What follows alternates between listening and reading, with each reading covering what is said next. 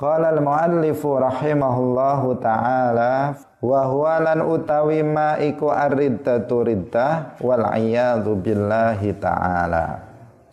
Wa qad kathura lam teman-teman wis akeh fi hadza zamani ing dalam zaman iki apa atasahulu gegampang fil kalami ing dalam uh, fil kalami ing dalam ucapan hatta annahu sehingga saat temene kelakuan iku yakhruju metu.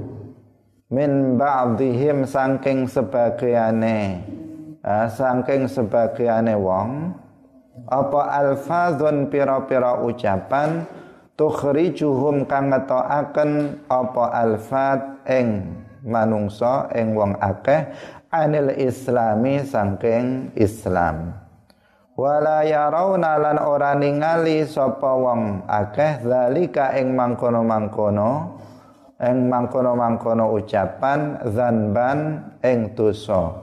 Fadlan apa maneh an kaunihi saking anane? Uh, an kaunihi saking anane. Zalika iku kufran rupa kekufuran. Kaum muslimin pemirsa Madu TV rahimakumullah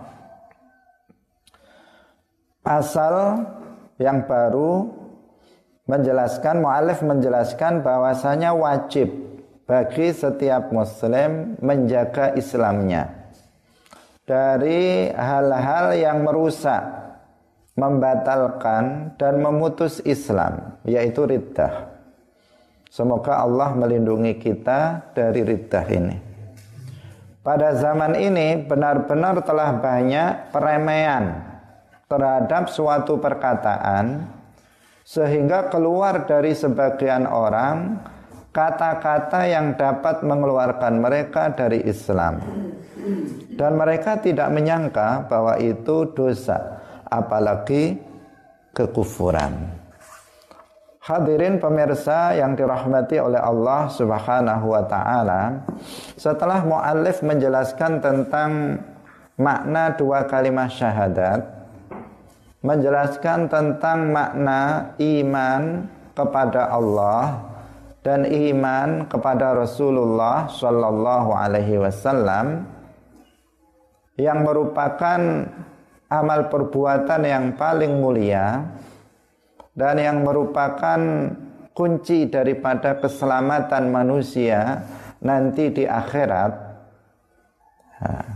kemudian pada pasal mulai hari ini, pada mulai pada pasal ini, mualif menjelaskan tentang masalah hal-hal yang bisa membatalkan Islam. Nah, sebagaimana sholat itu ada hal-hal yang membatalkannya, puasa itu juga ada hal-hal yang membatalkannya, wudhu itu juga ada hal-hal yang membatalkannya. Seseorang sholat, kemudian dalam sholatnya dia berbicara, maka batal sholatnya. Meskipun dia apa namanya selesaikan sampai akhir, tapi kalau dalam sholat itu dia berbicara, maka dianggap dia tidak sholat. Kenapa? Karena sholatnya telah batal dengan sebab berbicara itu. Seseorang telah wudhu, tetapi dalam wudhunya itu setelah wudhu kemudian dia kentut misalnya mengeluarkan angin. Maka batal wudhunya. Nah, maka batal wudhunya. Meskipun dia ngaku mengatakan saya sudah wudhu. Tapi kalau dia sudah kentut maka sudah batal. Dia tidak dikatakan dia memiliki wudhu. Enggak. Kalau ada seseorang puasa misalnya. Kemudian dia makan ketika puasa itu dengan sengaja dan apa tidak lupa bahwa dia sedang berpuasa. Maka di sini apa? Batal puasanya. Meskipun dia mengatakan saya ini puasa. Nah, ngomong kepada banyak orang mengatakan saya ini puasa, tapi sesungguhnya dia tidak puasa. Jadi meskipun dia ngaku puasa, meskipun dia ngaku sudah sholat, tapi ketika dia ketika dia melakukan puasa melakukan hal yang membatalkan puasa, maka sesungguhnya dia tidak puasa. Nah, meskipun dia mengatakan kepada orang-orang saya sudah sholat, tetapi kalau dalam sholat dia melakukan hal yang membatalkan sholat, maka sesungguhnya dia tidak sholat. Nah, sebagaimana sholat, puasa, zakat, kemudian apalagi wudhu dan ibadah-ibadah yang lain itu ada hal-hal yang membatalkannya.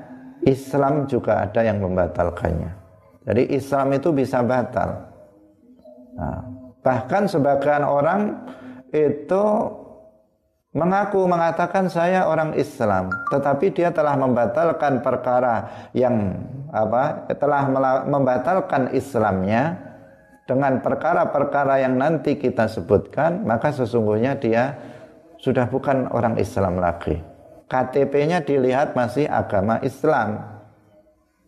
Dia juga masih mengatakan saya orang Islam.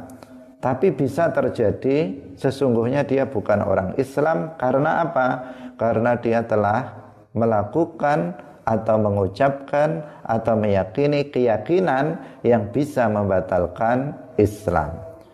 Karena itu pasal ini menjadi pasal yang sangat penting sekali bagi kita untuk memperhatikan ini.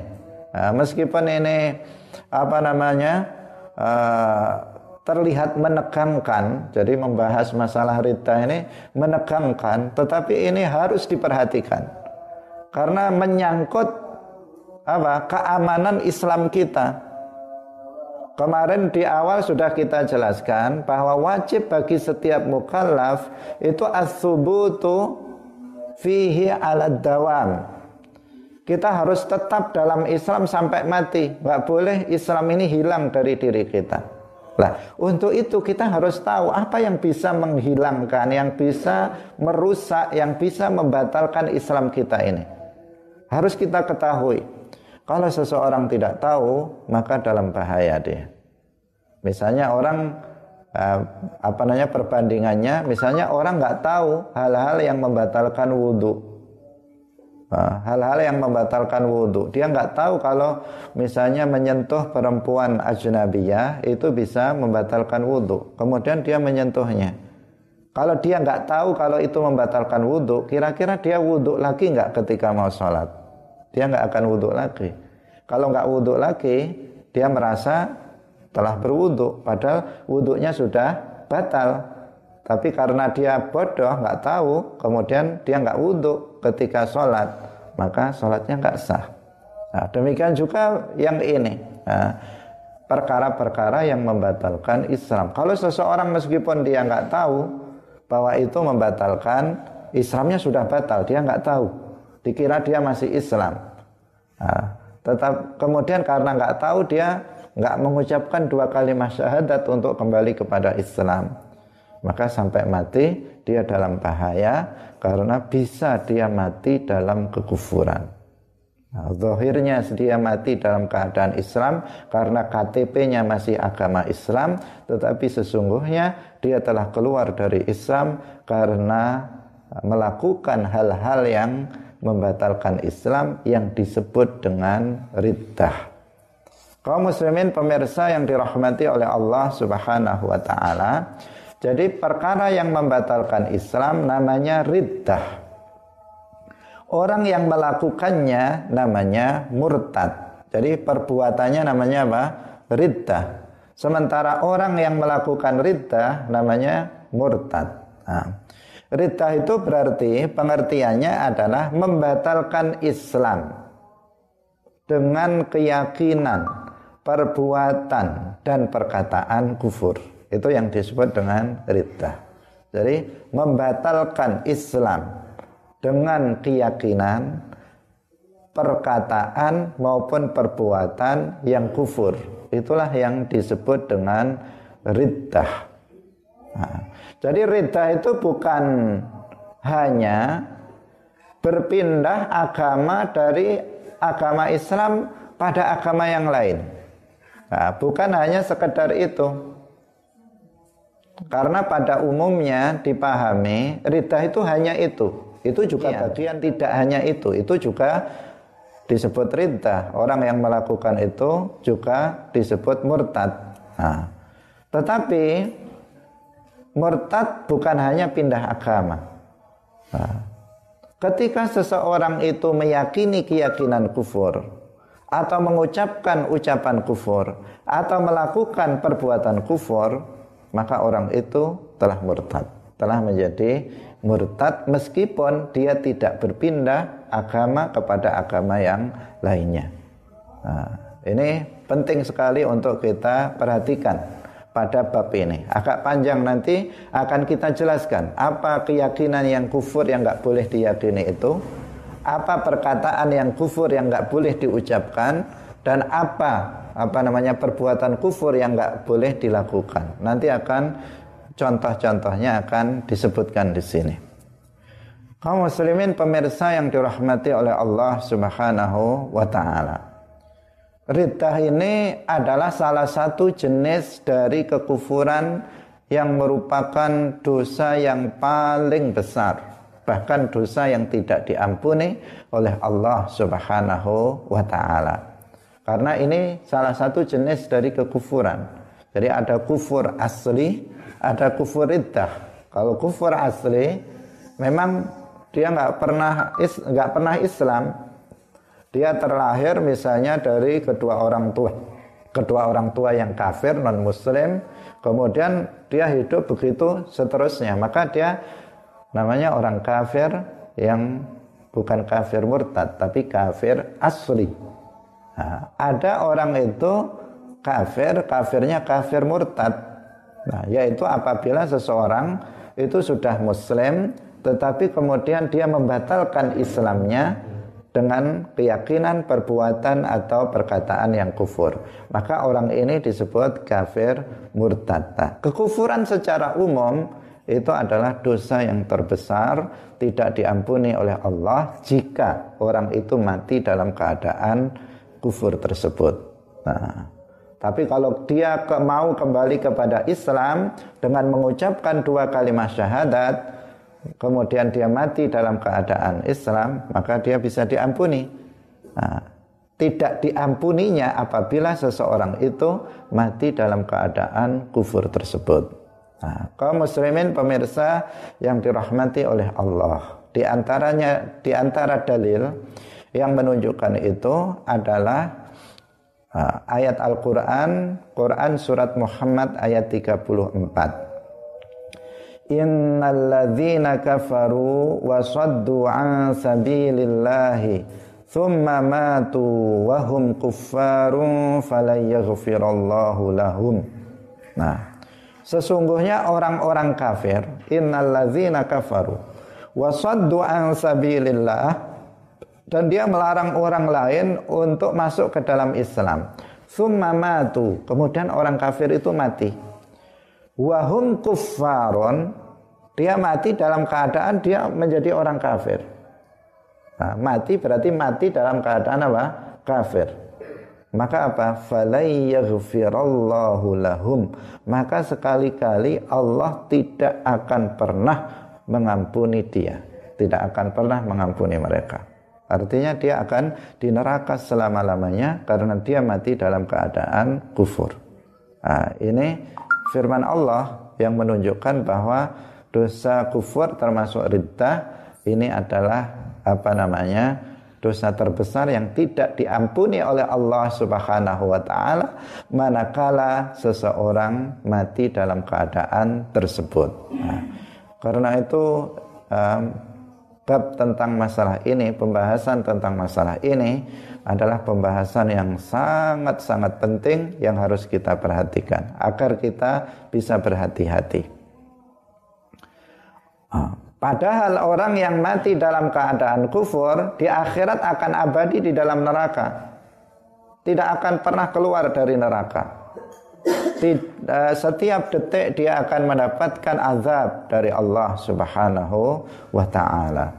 Innallaha la'anal kafirina wa a'adda lahum sa'ira khalidina fiha abada la yajiduna waliyan wala nasira.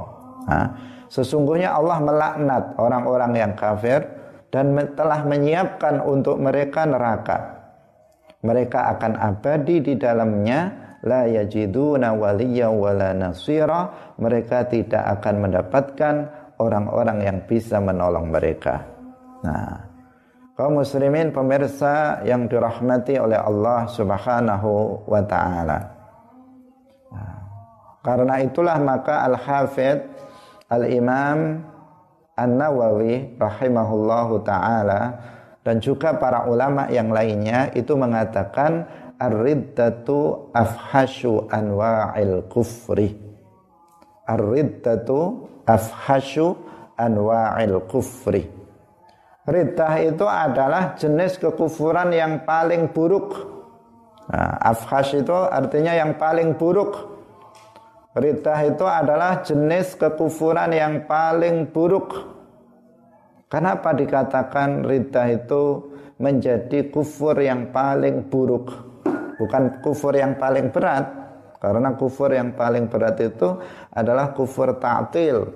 Yaitu kufur yang meyakini bahwa Allah nggak ada. Itu kufur yang paling berat. Tetapi riddah itu adalah kufur yang paling buruk. Kenapa? Dikatakan bahwa riddah ini kufur yang paling buruk. Nah, jawabannya yang pertama karena riddah itu bisa menghapus semua pahala kebaikan yang pernah dilakukan oleh seseorang. Jadi semua kebaikan yang pernah dilakukan oleh seseorang ketika dia muslim maka semuanya terhapus jika seseorang melakukan ridha. Makanya ini penting sekali kita belajar ini.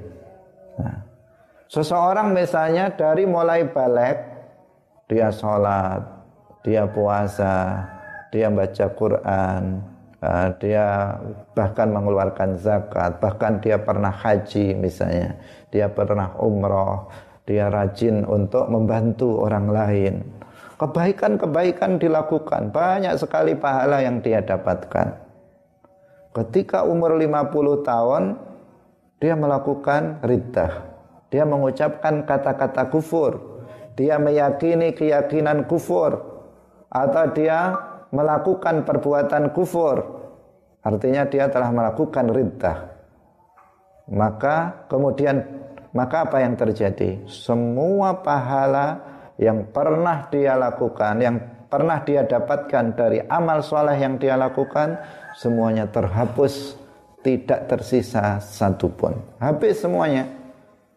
Jadi pahala kebaikan yang pernah dia lakukan, semuanya habis, tidak tersisa.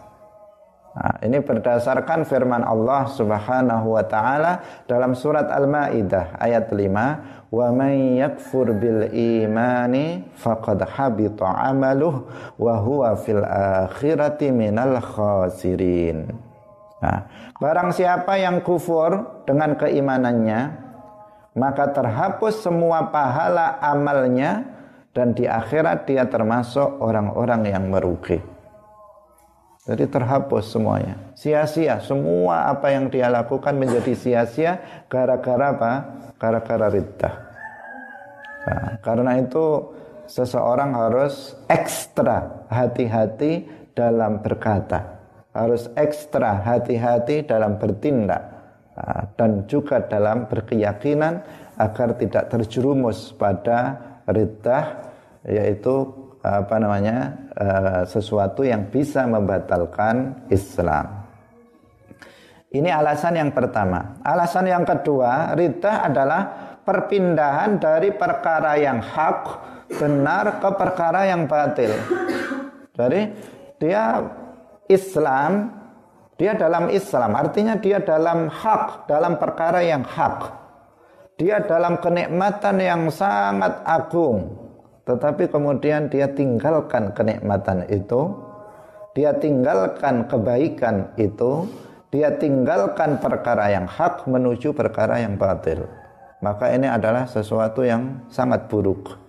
Nah, jauh lebih baik berpindah dari keburukan menuju kebaikan daripada kebaikan menuju keburukan. Kalau ada seseorang misalnya Dulu dia kufur. Nah, dia kufur bahkan dia non muslim misalnya. Dari kecil. Ketika berumur 50 tahun dia masuk Islam. Maka ini adalah kebaikan yang sangat luar biasa. Nah, kebaikan yang tidak tertandingi baiknya. Tetapi jika sebaliknya seseorang awalnya Islam, tetapi kemudian dia kufur, maka ini adalah keburukan yang paling buruk.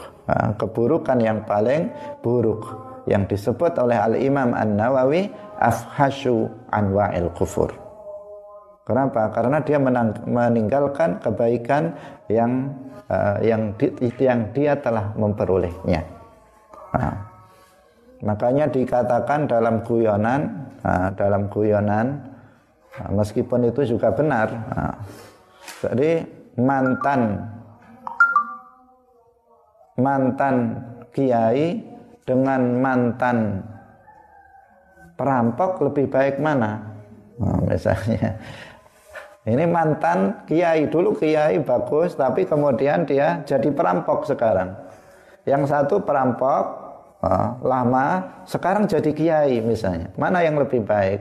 Nah, yang kedua yang lebih baik daripada yang pertama. Mantan orang baik sama mantan penjahat lebih baik mantan penjahat daripada mantan orang baik. Orang mantan orang baik itu dulu baik tetapi sekarang nggak baik lagi. Nah, sedangkan mantan penjahat dulu dia penjahat tetapi sekarang dia baik. Maka yang kedua ini jauh lebih baik dari yang pertama. Nah, dulu dia muslim, tetapi dia sekarang rajin dia dulu muslim, rajin beribadah, tetapi dia sekarang dia kafir. Nah, yang kedua, dulu dua, dulu dia adalah orang kafir. Tetapi dia sekarang sudah masuk Islam, maka yang kedua lebih baik dari yang pertama. Nah, kaum muslimin pemirsa yang dirahmati oleh Allah Subhanahu wa taala. Mu'alif kemudian mengatakan, waqad kathura fi zaman at-tasahulu fil kalam. Pada zaman sekarang ini banyak sekali orang yang apa? Yang meremehkan terhadap suatu perkataan. Pada zaman sekarang ini banyak orang yang berkata semaunya tanpa berpikir asal nyeplos saja. Pokoknya bunyi. Nah, kalau ngomong itu nggak mikir yang penting bunyi. Yang penting ngomong. Pada zaman sekarang ini banyak seperti itu. Ini zamannya siapa? Zamannya mu'alif. Oh, zamannya mu'alif. Zamannya pengarang kitab ini. Bagaimana dengan zaman sekarang? Tentu lebih parah daripada zaman mu'alif banyak sekali orang kalau ngomong itu asal uh, asalnya plus saja yang penting bunyi. Nah, hatta innahu yakhruju min ba'dihim alfadhun tukhrijuhum anil Islam. Sehingga keluar dari sebagian keluar dari sebagian orang itu kata-kata yang bisa mengeluarkan mereka dari Islam. Ya wala yarawna dzalika dzanban dan mereka tidak melihat mereka tidak mengetahui bahwa itu bahwa itu bisa mengeluarkan mereka dari Islam. Jadi dia tidak tahu tidak tahu bahwa ucapannya itu bisa mengeluarkan dia dari Islam. Dia ngomong, udah ngomong saja. Ngomong saja dia tidak tahu bahwa ucapan itu adalah ucapan kufur yang bisa mengeluarkan dia dari Islam. Dia nggak tahu. Jangankan tahu, dia menganggap itu, jangankan dia menganggap kufur, menganggap itu dosa saja enggak. Dia kira ya biasa-biasa saja, ucapan biasa-biasa saja, ngomong uh, menu, uh, yang dia tahu itu enggak masalah, uh, masalah dia tidak menganggap itu dosa, apalagi menganggap itu kufur atau keluar dari Islam. Sama sekali nggak terdetik dalam hatinya bahwa itu bisa mengeluarkan dia dari Islam. Bahkan dia pun tidak menyangka kalau itu dosa. Tapi sesungguhnya kata-kata itu sudah mengeluarkan dia dari Islam hatta annahu yakhruju min ba'dihim alfadhun tukhrijuhum anil Islam nah, keluar dari mulutnya kata-kata yang mengeluarkan dia dari agama Islam ini dikatakan oleh mu'alif pada zamannya pengarang kitab Sulamut Taufik Syekh Abdullah bin Husain bin Tahir bahwa pada masa itu sudah banyak orang yang asal ngomong saja nah, dalam berbicara. Terkadang apa? Zaman sekarang banyak orang yang uh, tema lawakannya itu adalah hal-hal yang berkaitan dengan agama. Kadang Allah Subhanahu wa taala dibuat lawakan. Kadang Islam, ajaran Islam dibuat bahan lawakan. Bahan tertawaan terkadang ajaran-ajaran Islam, syiar-syiar Islam dibuat bahan tertawaan. Terkadang neraka, terkadang surga dibuat guyonan. Nah, banyak sekali orang yang seperti itu di jalan-jalan dan seterusnya. Nah, bukan tema-tema duniawi yang dijadikan sebagai lawakan, tetapi apa namanya ah, syiar-syiar Islam dijadikan sebagai bahan lawakan. Nah, ini berbahaya. Nah, ini sangat berbahaya. Kaum muslimin pemirsa yang dirahmati oleh Allah Subhanahu wa taala. Nah, apa yang terjadi ini sesuai dengan hadis Rasulullah sallallahu alaihi wasallam. Beliau bersabda dalam hadis yang diriwayatkan oleh Al Imam At-Tirmidzi, "Innal 'abda la yatakallamu bil kalimati la yara biha ba'san yahwi biha finnari sab'ina kharifa innal abda la yatakallamu sungguh ada seorang hamba yang berbicara bil kalimati dengan suatu perkataan la yara biha ba'san dia tidak melihat, dia tidak menyangka bahwa ada bahaya dalam perkataan itu. Dia anggap perkataan itu biasa-biasa saja, nggak ada bahayanya sama sekali. Tapi meskipun begitu, apa kata Nabi? Yahwi biha finnari. Meskipun begitu, dengan sebab kalimat yang tidak dia sangka berbahaya itu, dia jatuh ke dalam neraka yang jaraknya sab'ina kharifa 70 tahun perjalanan. Artinya apa? Dasar neraka jahanam. Nah, neraka yang untuk sampai ke dasarnya itu memerlukan waktu 70 tahun itu adalah qa'ru jahannam. Dasar neraka. Lah, yang sampai ke dasar neraka itu hanya orang kafir. Orang Islam pelaku dosa besar jika dosanya tidak diampuni oleh Allah Subhanahu wa taala tidak akan sampai ke dasar neraka ini. Yang sampai ke dasar neraka ini hanya orang kafir saja. Nah, di sini dikatakan ada orang mengucapkan suatu perkataan. Dia tidak menyangka bahwa perkataan ini bahaya, enggak dia enggak menyangka itu haram, dia tidak menyangka itu kufur. Tapi kata Nabi meskipun begitu dengan sebab perkataannya itu dia jatuh ke neraka yang jaraknya 70 tahun perjalanan artinya dia sampai ke dasar neraka jahanam artinya dia menjadi orang yang kufur menjadi orang yang kafir murtad. Nah, dengan sebab perkataan tersebut. Nah, kaum muslimin pemirsa yang dirahmati oleh Allah Subhanahu wa taala. Nah, berdasarkan hadis ini, maka ada beberapa faidah, nah, ada beberapa faidah yang uh, apa namanya, yang kita pahami. Yang pertama, untuk seseorang jatuh kepada rida itu tidak harus tahu hukum perkataan itu. Ini yang pertama. Jadi apa? tidak harus tahu hukum dari perkataan itu. Seperti yang disebutkan dalam hadis apa la ya rabiha ba'san dia nggak tahu kalau hukumnya haram. Dia nggak tahu kalau hukumnya kufur, nggak tahu dia. Tapi meskipun nggak tahu ternyata apa? Yahwi biha finnari sab'ina kharifa. Meskipun dia nggak tahu, dia tetap jatuh ke dalam uh, neraka jahanam.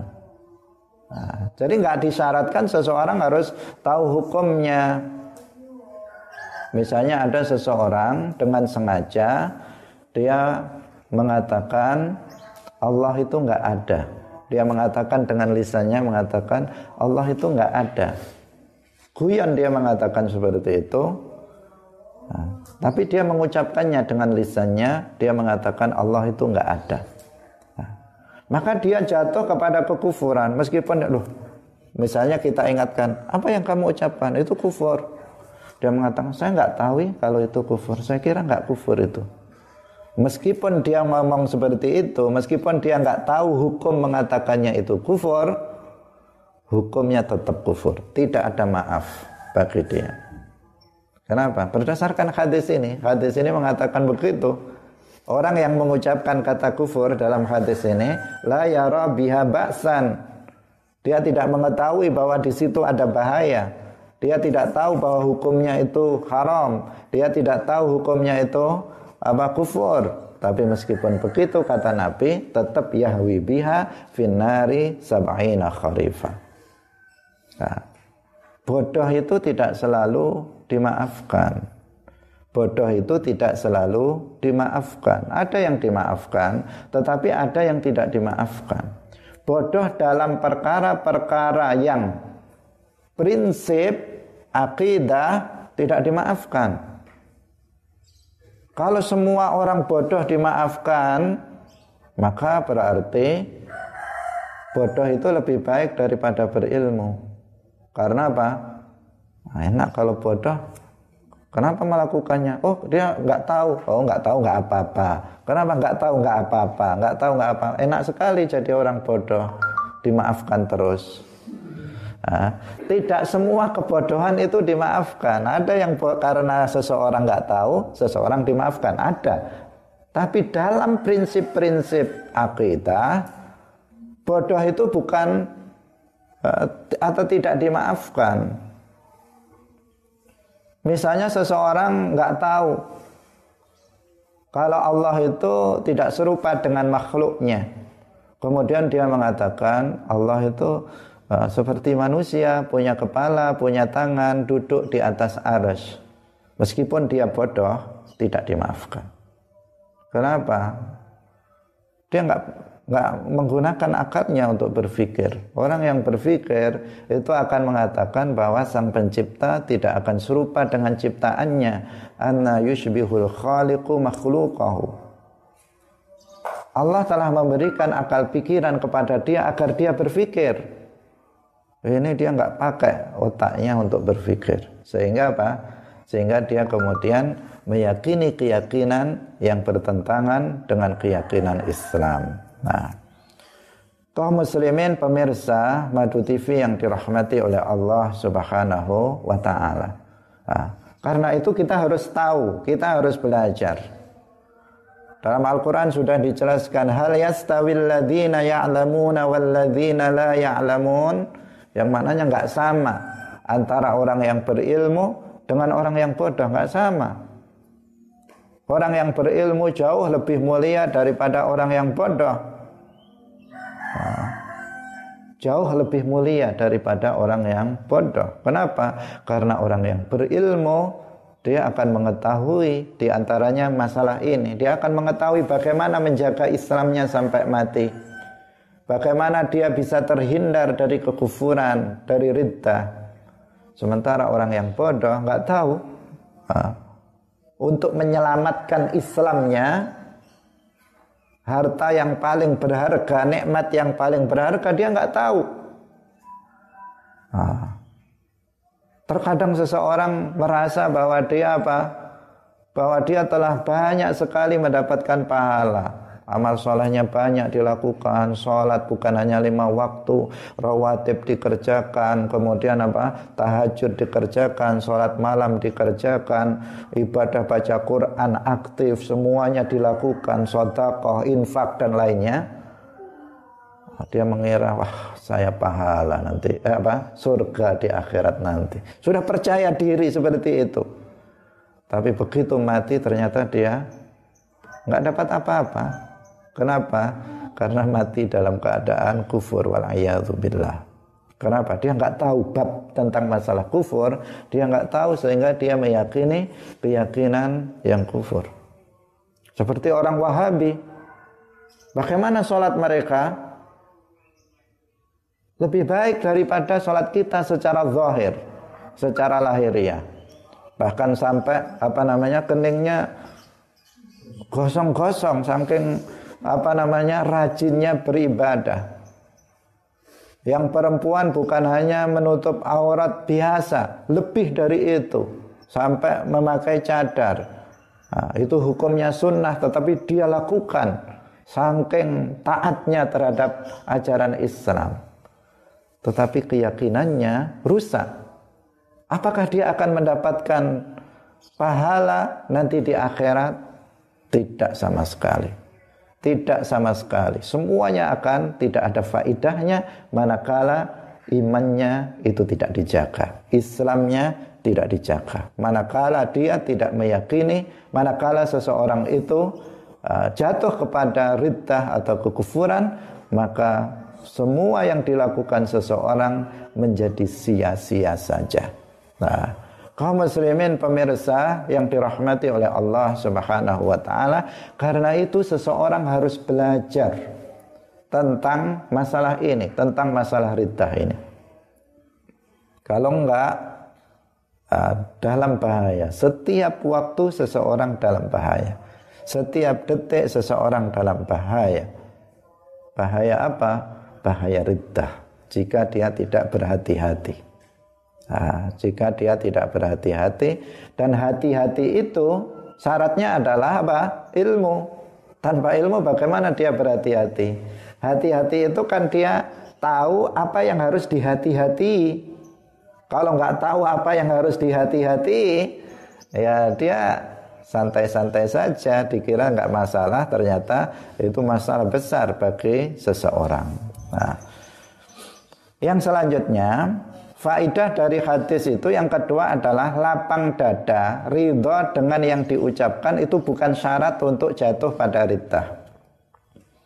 Dari lapang dada, ridho dengan yang diucapkan itu bukan apa namanya syarat untuk jatuh pada ridha. Meskipun seseorang tidak ridho dengan apa yang dia ucapkan. Seorang misalnya mengatakan seseorang mengatakan misalnya Allah itu punya anak. Dengan dia tidak ridho dengan apa yang dia ucapkan. Tetapi dia mengucapkannya dengan sengaja. Maka tetap jatuh pada kekufuran meskipun hatinya tidak rela dengan apa yang dia ucapkan. Bahkan meskipun dia tidak meyakini maknanya. Ada seseorang mengatakan Allah itu punya anak dia mengatakan Allah itu bodoh. Dia mengatakan Allah itu zalim. Tapi dalam hatinya dia meyakini Allah itu ada. Allah itu nggak punya anak. Dalam hatinya meyakini Allah itu apa namanya uh, tidak serupa dengan makhluk. Tapi lisannya mengucapkan sebaliknya dari apa yang dia yakini. Tetap jatuh pada kufur. Nah, tidak tidak yang penting hatinya enggak jadi rita itu ada tiga, ada perkataan, ada keyakinan, ada perbuatan. Dan ini tidak harus tiga-tiganya. Jatuh pada salah satunya, maka sudah sudah rita namanya. Nah, seseorang hanya meyakini, tidak diucapkan. Meyakini bahwa Allah punya anak, misalnya. Maka dia telah jatuh pada rita keyakinan, tidak jatuh pada rita perkataan. Seseorang meyakin mengatakan dengan lisannya Allah punya anak. Meskipun tidak diyakini dalam hati, dia tetap jatuh pada rita disebut rita perkataan.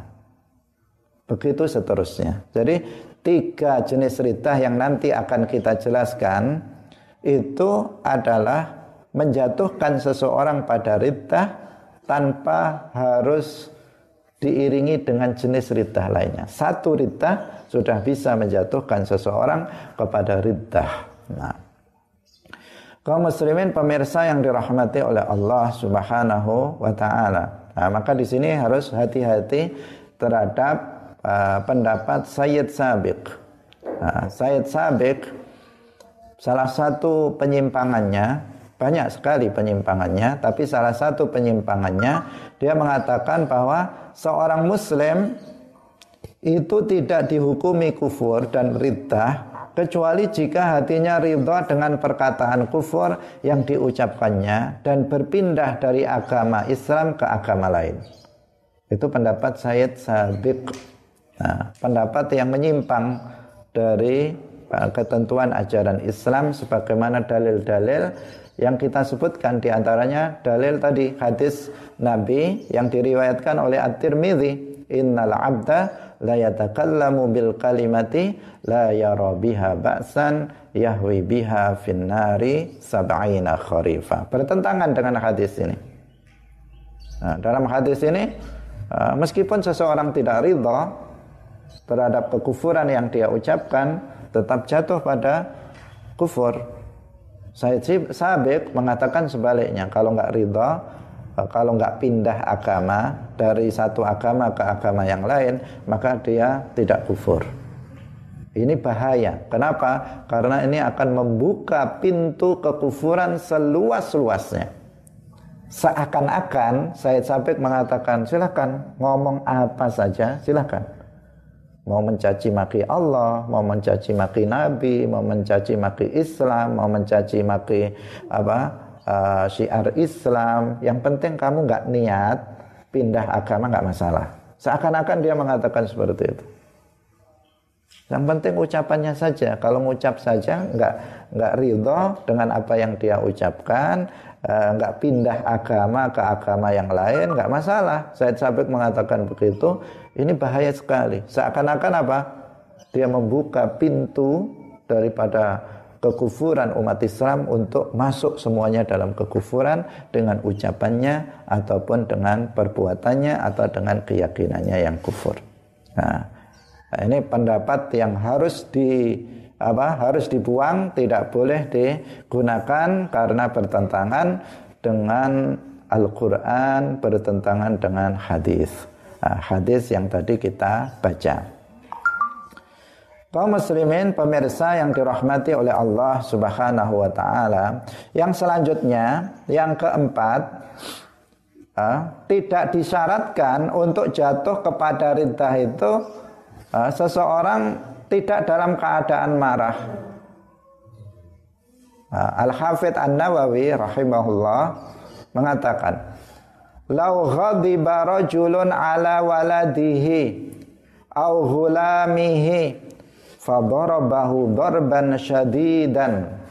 faqala lahu rajulun alasta musliman qala la muta'ammidan kafara apabila ada seorang laki-laki marah kepada anaknya kemudian dipukuli anaknya sampai babak belur anaknya itu dipukuli karena marah terhadap anaknya. Kemudian ada orang lewat mengatakan kepada laki-laki yang uh, ngebuki anaknya ini. Ditanya eh apa kamu bukan orang Islam? Kok ngajar anaknya seperti itu? Kayak ngajar musuhnya ngajar orang uh, orang kafir. Kemudian karena emosi orang itu yang sedang emosi ditanya begitu. Dia mengatakan la bukan saya bukan orang Islam. Maka kafar orang ini kufur karena dia mengatakan saya bukan orang Islam itu perkataan kufur. Artinya apa? Artinya saya orang kafir. Kalau dia mengatakan saya bukan orang Islam, artinya saya orang kafir. Maka orang itu jatuh kepada kufur meskipun dia dalam keadaan marah. Nah, karena itu marah ini sangat bahaya sekali. Telah kita jelaskan dalam pengajian kitab apa namanya Al-Arba'in An-Nawawiyah, Rasulullah bersabda la taghdab ketika ditanya oleh para sahabat wahai Rasulullah nah, tunjukkan kepadaku amalan yang bisa menyelamatkanku dari neraka dari azab Allah dari murka Allah Kemudian Rasulullah bersabda, "La taghdab." Kamu jangan marah. Kamu jangan mudah marah, jangan mudah emosi. Kenapa? Bahaya sekali. Orang yang emosi itu bisa menceraikan istrinya. Istri yang paling dicintainya itu bisa diceraikan dalam keadaan marah dan jatuh hukumnya. Karena emosi, seseorang itu bisa membunuh orang lain. Karena emosi, seseorang bisa menyakiti orang lain. Karena emosi, seseorang bisa keluar dari Islam. Pada zaman dulu, umat sebelum Nabi Muhammad, ada seorang namanya Khimaru bin Malik. Khimaru bin Malik ini telah beribadah kepada Allah 40 tahun lamanya. 40 tahun lamanya. Tetapi kemudian Allah itu apa namanya menguji, menguji daripada Khimaru bin Malik itu dengan ujian berupa bala, berupa musibah. Semua anaknya mati. Nah, semua anaknya mati. Maka kemudian apa yang terjadi? Dia tidak sabar. Khimar bin Malik tidak sabar dengan musibah itu. Dia langsung emosi dan marah, tidak tanggung-tanggung, dia marahnya kepada Allah. Dia marahnya kepada Allah, dia mengatakan, sejak saat ini saya tidak akan menyembahmu lagi. Kalau ada orang lewat depan rumahku, akan saya ancam.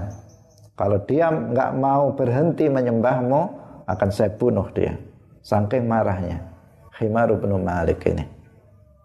Akhirnya apa? Allah menurunkan azab. Allah membakar dia, rumah dan seluruh pekarangannya dibakar oleh Allah Subhanahu wa taala. Karena pada masa dulu itu azab bisa langsung turun di uh, apa namanya? Uh, di dunia ini Berbeda dengan umat Nabi Muhammad, itu azabnya meskipun orang mencaci maki Allah, meskipun seseorang itu kufur uh, yang luar biasa, tidak diazab, dibiarkan saja. Tetapi dia akan diazab dengan azab yang berat nanti di akhirat. Itu untuk umatnya Nabi Muhammad Sallallahu Alaihi Wasallam. Nah, Himar bin Malik adalah contoh Nah, seseorang yang karena emosi, karena kemarahan, maka menjadikan dia keluar dari Islam. Nah, makanya uh, ghadab atau marah, emosi ini sesuatu yang sangat buruk akibatnya. Nah, sangat buruk akibatnya. Nah, minimal seseorang akan jatuh kepada dosa, maksimal seseorang akan jatuh kepada kekufuran, akan mengeluarkan diri dia dari dari Islam. Nah, karena itu harus dijaga. Seseorang harus bisa menahan diri uh, dari kekufuran ini. Imam Nawawi mengatakan begitu. Ada orang marah-marah kepada anaknya, dihajar anaknya, kemudian ditanya oleh orang, "Eh, kamu ini orang Islam apa bukan?" Kok melakukan seperti itu? Kemudian orang ini karena emosi menjawab, "La," mengatakan "la" gitu saja. Bukan, saya bukan orang Islam. Hanya mengatakan begitu saja. Apa kata Imam Nawawi? Imam Nawawi mengatakan kafaro. Jika dia mengucapkan itu dengan sengaja bukan karena lupa, maka kata Imam Nawawi dikatakan kafaro. Dia telah kufur dengan sebab ucapan itu. Kaum muslimin pemirsa Madu TV yang dirahmati oleh Allah Subhanahu wa taala. Nah, sampai di sini pengajian kita pada pagi hari ini. Ini uh, apa namanya? pembukaan mukaddimah dari bab tentang riddah. Selanjutnya yang akan kita bahas ini adalah contoh-contoh dari riddah. Nah, mulai dari riddah keyakinan, riddah perbuatan dan riddah perkataan.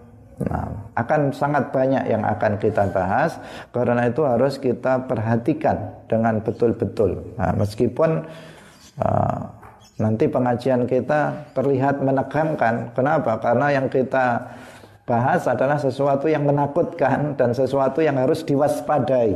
Semuanya mengatakan jangan lakukan ini, jangan lakukan ini, jangan lakukan ini, jangan ucapkan ini, jangan yakini ini. Karena ini akan sangat berbahaya. Tetapi harus kita pahami dengan sebaik-baiknya agar kita bisa terhindar. Para ulama mengatakan ta'alam tu syarra la li syarri walakin li tawaqqihi. Man lam ya'rifi syarra yaqa'u fihi. Aku belajar keburukan. Jadi belajar itu bukan hanya belajar kebaikan, tetapi kita juga belajar yang buruk. Untuk apa? Nah, bukan untuk dilakukan, tetapi untuk menjaga diri darinya. Malam ya'rifi syarra karena orang yang tidak mengetahui keburukan maka dia akan jatuh pada keburukan itu. Orang yang tidak tahu bahwa perkataan ini kufur, dia akan mengucapkannya. Seseorang yang tidak tahu bahwa perbuatan ini kufur, maka seseorang akan melakukannya. Seseorang yang tidak tahu bahwa keyakinan itu keyakinan kufur, maka dia akan meyakininya. Nah, malam ya'rifi syarra yaqa'u Orang yang tidak tahu keburukan akan jatuh kepada keburukan tersebut.